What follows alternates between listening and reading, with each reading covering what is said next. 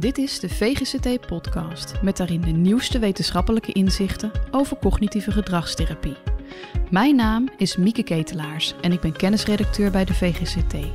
Elke aflevering spreek ik met één of meerdere experts over een ander thema. Beter worden in je vak was nog nooit zo makkelijk. Ik was denk ik drie uur daarmee bezig.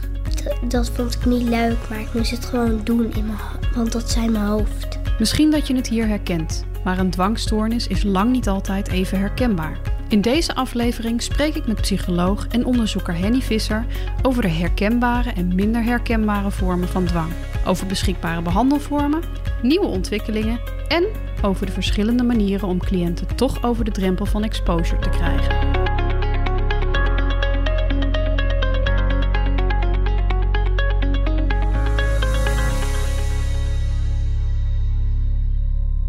Henny, welkom. Je hoorde net een eh, fragment van onze patiëntenwebsite over een meisje met dwangklachten. Nou is dit slechts één voorbeeld in een eh, enorm divers palet dat dwang heet, begrijpen. Kun je daar iets eh, meer over vertellen? Ja. Ehm, nou, een dwangstoornis bestaat eruit dat mensen dwanggedachten hebben en dwanghandelingen. En dwanggedachten die gaan dan meestal over iets waar mensen onzeker over zijn. Dus bijvoorbeeld, eh, misschien zijn mijn handen vies en eh, ben ik nu besmettelijk en moet ik dus mijn handen wassen.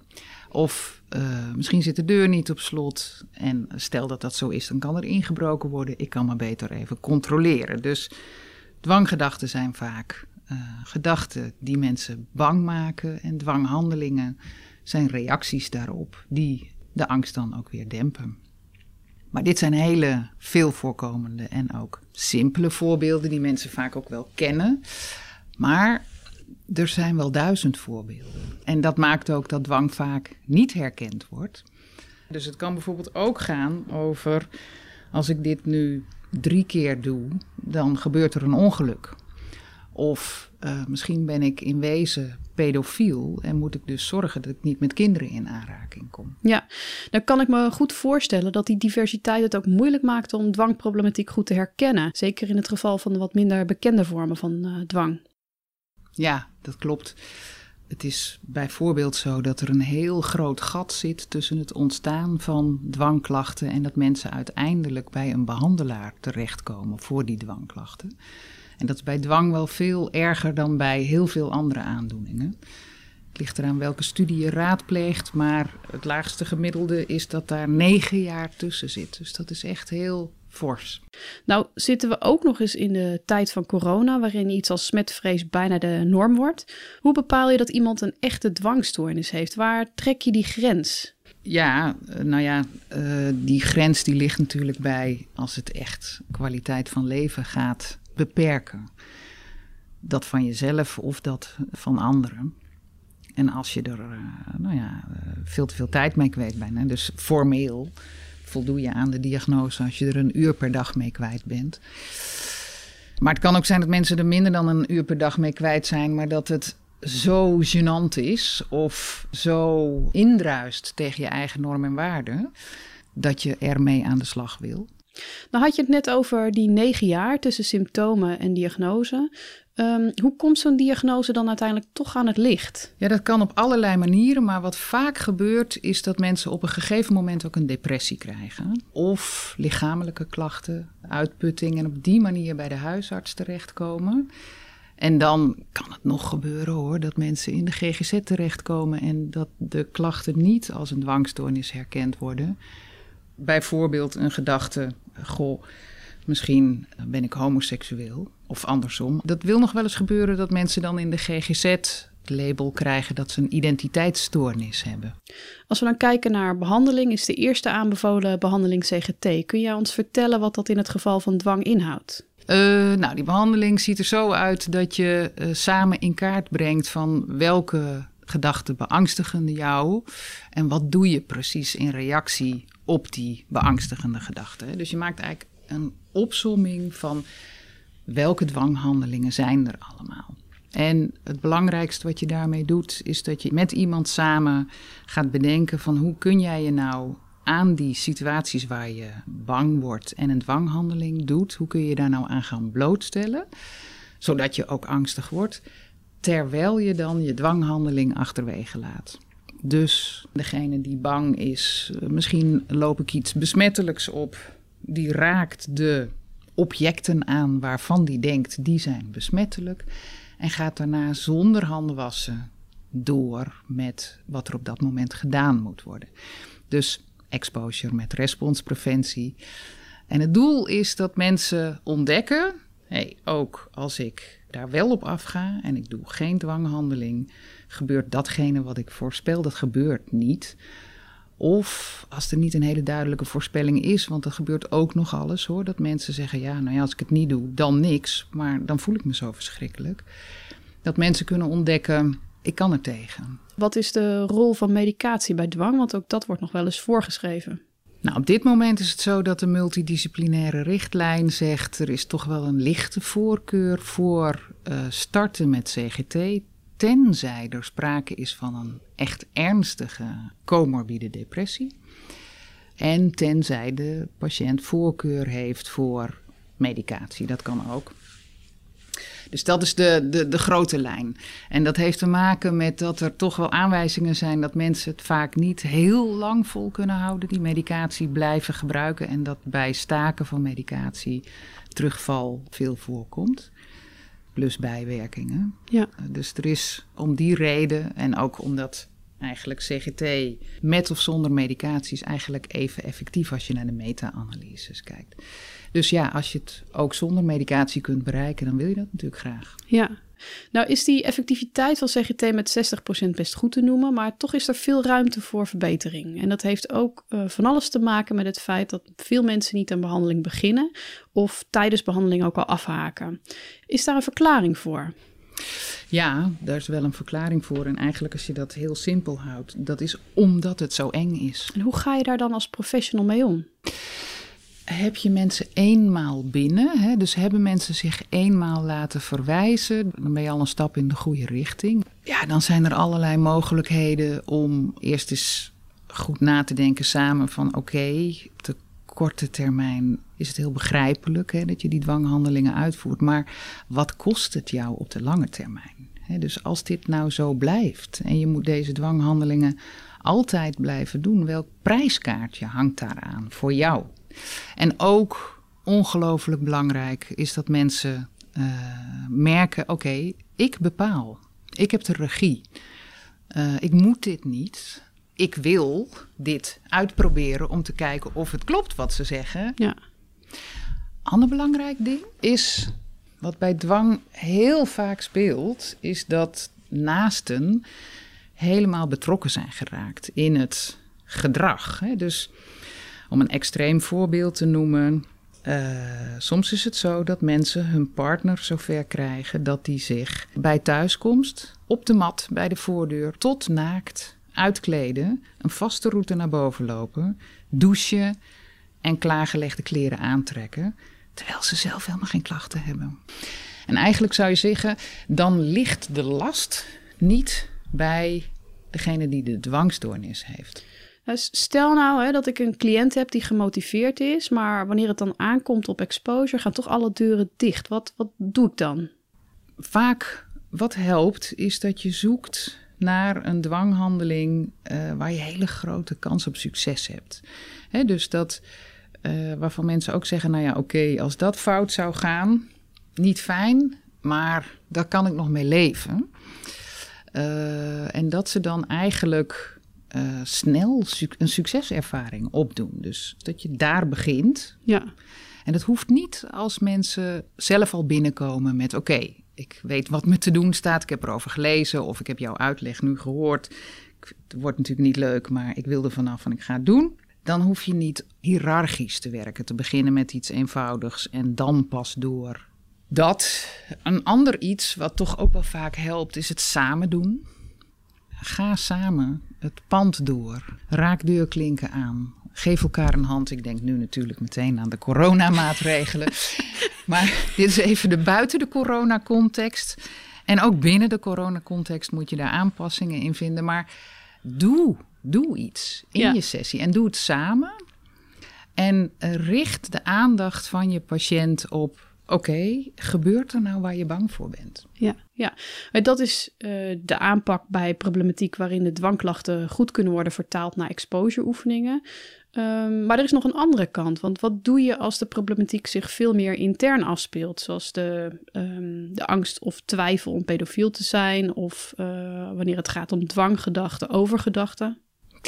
Nou, om te beginnen bij het eerste, hè, dus de angst om pedofiel te zijn, daar zie je vaak dat mensen allerlei prikkels vermijden om maar niet die gedachte te krijgen. Dus dan ga je iemand die prikkels op laten zoeken. Dat kan gewoon zijn uh, in een zeemanfolder uh, voor rompertjes bladeren. Maar ook in plaats van dat je probeert de gedachten tegen te houden, uh, dat je ze heel expliciet gaat laten opzoeken. Dus dat kan zijn dat je iemand in jouw spreekkamer op je bord de gedachten laat uitschrijven. dus eigenlijk in plaats van dat je probeert te voorkomen dat je de gedachten krijgt, ga je ze juist proberen te krijgen. dus ik zeg daar ook vaak over tegen patiënten: gun jezelf zoveel mogelijk angst. Want hoe meer je ermee in aanraking komt, hoe vaker je voor jezelf een gelegenheid hebt om te ontdekken. Totaal ongevaarlijk. Gaat het over misschien ben ik pedofiel? Um, kijk, op het moment dat mensen bang zijn, als ik eraan denk, dan ga ik het ook doen. Dat kan je met een gedragsexperiment uitzoeken. Maar op het moment dat mensen zeggen van ja, ik weet wel dat ik niks ga doen, maar waar het mij om gaat is dat ik denk dat ik het ben. Dat is wel lastig om daar een exposure oefening bij te bedenken. Ook, al was het alleen al, omdat mensen wat je wel eens hoort is dat mensen dan in het kader van hun therapie, uh, ja, pedofiel, ik denk nu even aan homofiel. Misschien ben ik homofiel.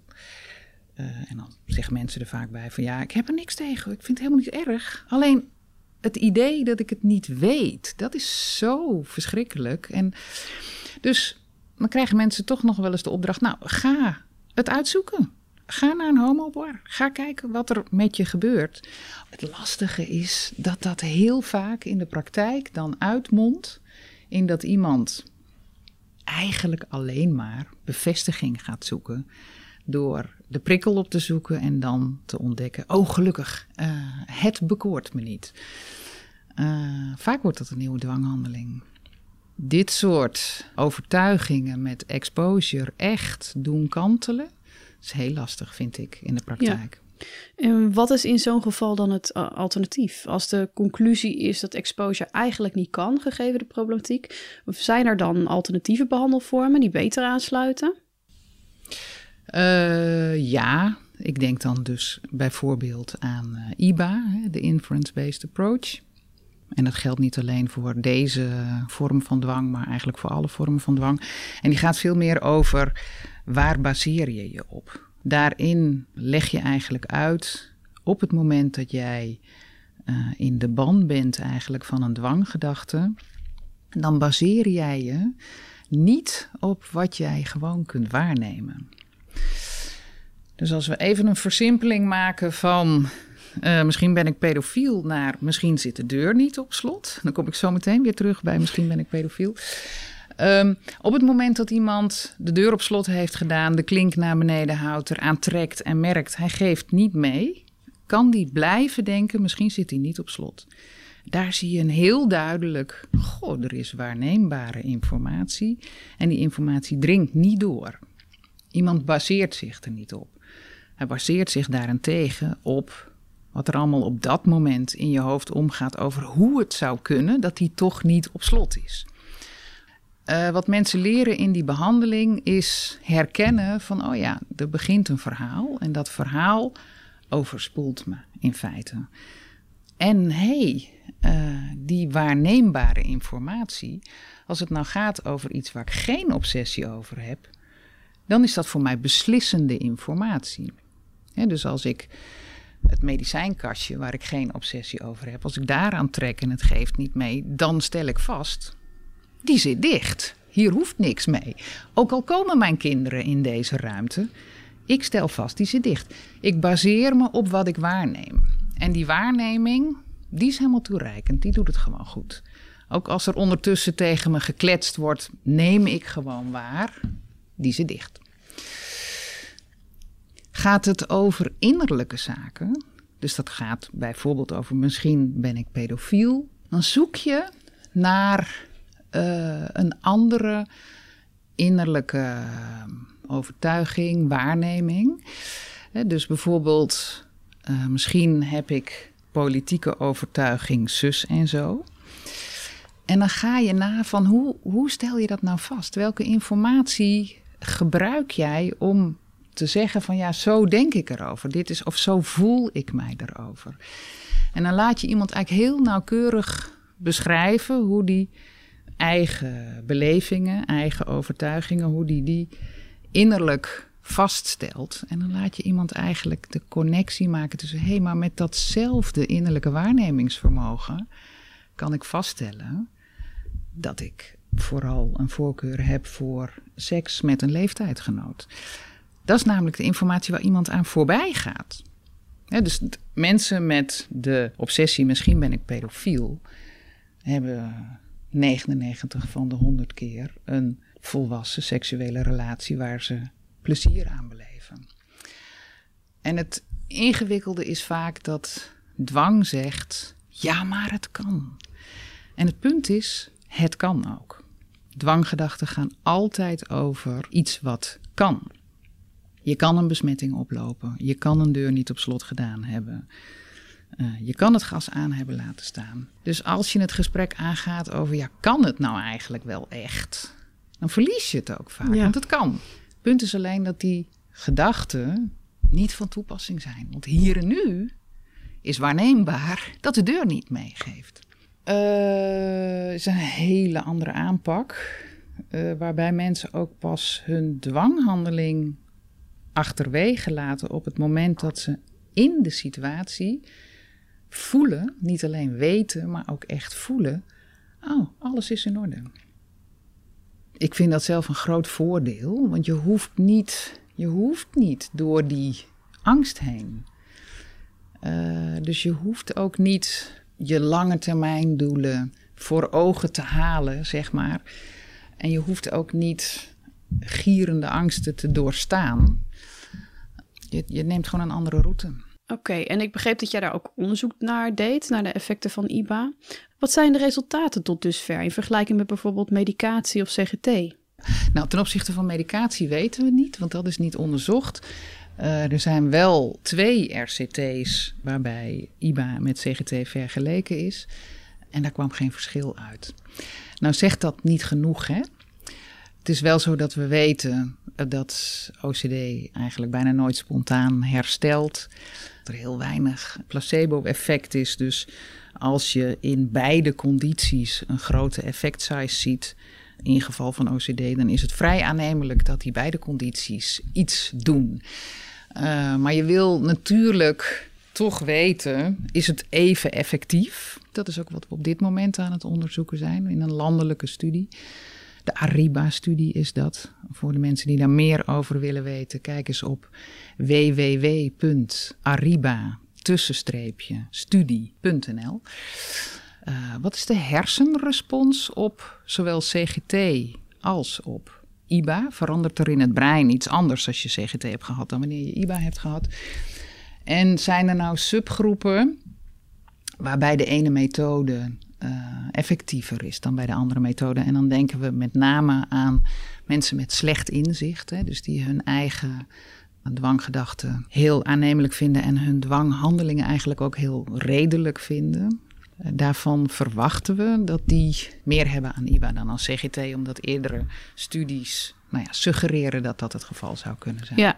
Ja, dus dan is eigenlijk de vraag of het bij gelijke effecten van de therapievormen wel gaat om dezelfde groepen die baat hebben. Inderdaad, is dat nou dezelfde groep? Hè? Want het idee is wel, het is een ander aangrijpingspunt. Hè? Dus bij CGT gaat het met name om de dwanghandeling zelf. Hè? Dus de responspreventie. En natuurlijk, daar hebben we het nog helemaal niet over gehad, ook over cognities. Uh, maar dat gaat dan niet zozeer over is het hier en nu aan de hand. dus, dus IBA grijpt vooral in op de twijfel zelf. Misschien zit de deur niet op slot.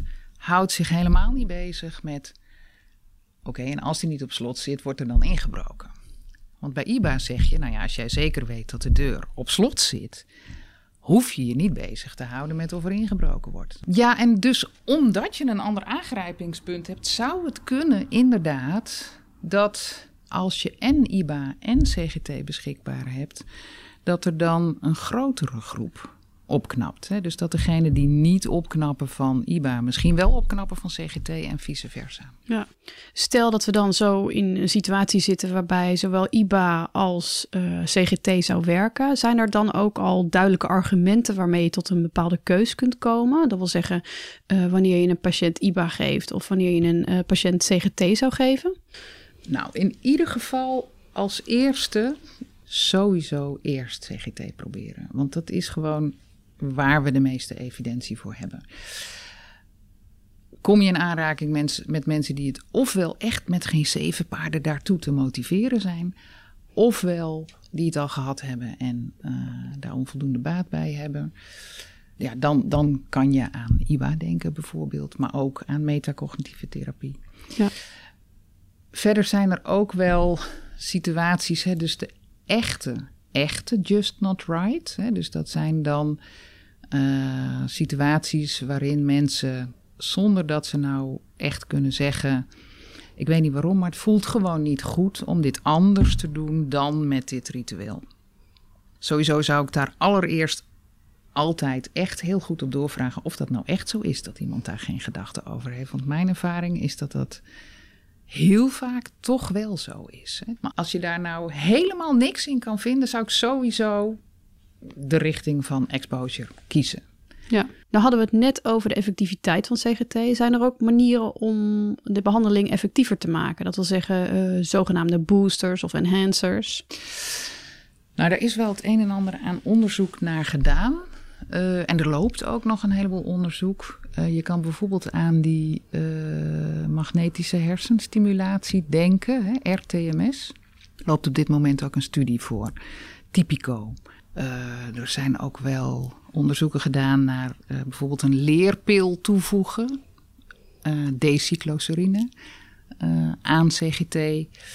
Andere enhancers, nou ja, dat gaat dan niet zozeer over enhancers als wel andere vormen. Hè? Dus bijvoorbeeld hele intensieve CGT. En wat maakt dan dat die intensievere variant effectiever zou zijn? Je kan je er in theorie een hoop bij voorstellen dat ja, eigenlijk simpel gezegd, CGT is regulier, is soms te zeer een druppel op een gloeiende plaat. dus iemand heeft dan zijn exposure oefening gedaan en ontdekt, oh, er is niks misgegaan.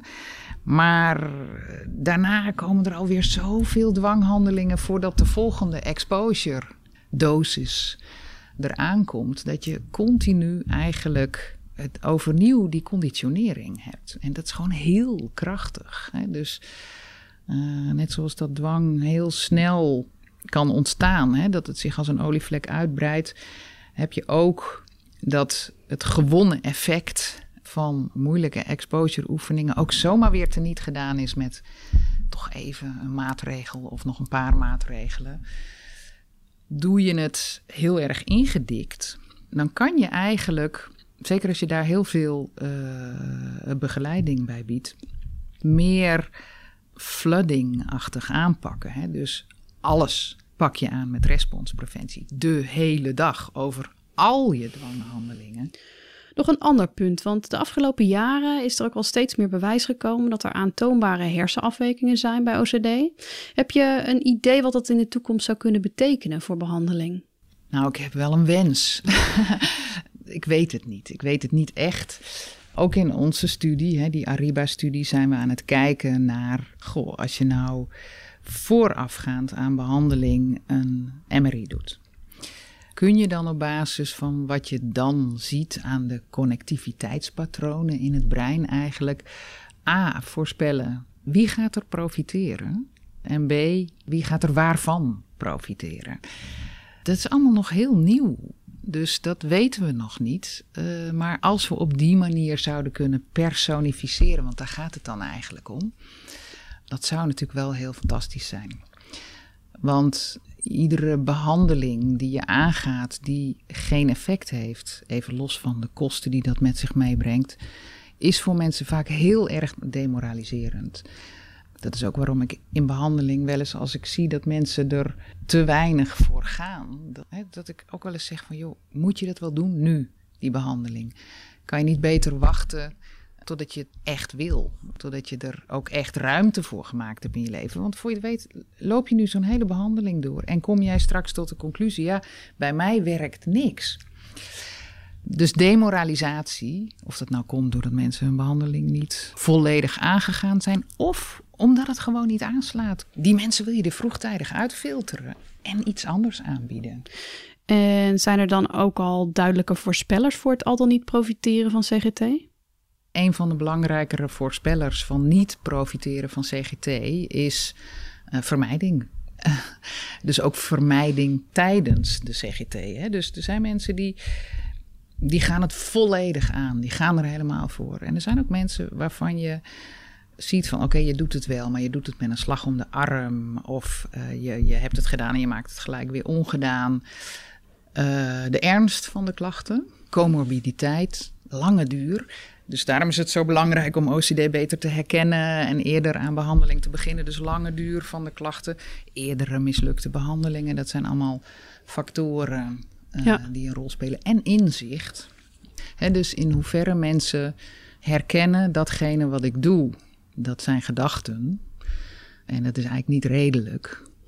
Uh, op het moment dat mensen dat eigenlijk niet kunnen onderschrijven. Dus dat ze denken, ja, dat wat, wat ik doe, dat zou iedereen moeten doen. En dat is heel redelijk dat is ook een voorspeller van een slecht resultaat. Ja, en is er, is er al iets van een instrument dat je als professional daarbij kan helpen? We hebben in het uh, Marina de Wolf Centrum waar ik werk, onderdeel van het Centrum voor Psychotherapie van GGZ Centrale Stad, daar, daar hebben we ook een kliniek en een deeltijd. Daar hebben we gekeken of je op basis van een gedragstest dus als mensen voorafgaand aan hun behandeling moeten laten zien: oké, we gaan nu de tien exposure oefeningen bedenken die jij in een uur zou kunnen doen. En daar zit ook je allermoeilijkste bij. En de bedoeling is dat je zo ver gaat als je kunt in dat uur. We hebben gekeken of hoeveel van die tien stappen mensen afmaken. Of dat voorspelt hoeveel effect mensen hebben van zo'n behandeling.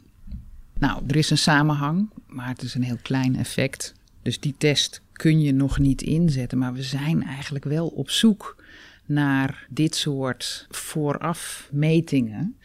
Waarmee je kunt zeggen van hé, hey, jou filteren we eruit. Want waarschijnlijk ga jij van iets anders meer profiteren dan van, van deze therapie. Of moet er eerst nog iets anders gebeuren voordat je volledig kunt profiteren van deze therapie? Ja, ja, er ligt dus nog eh, een hoop werk om te doen de komende jaren. Ja.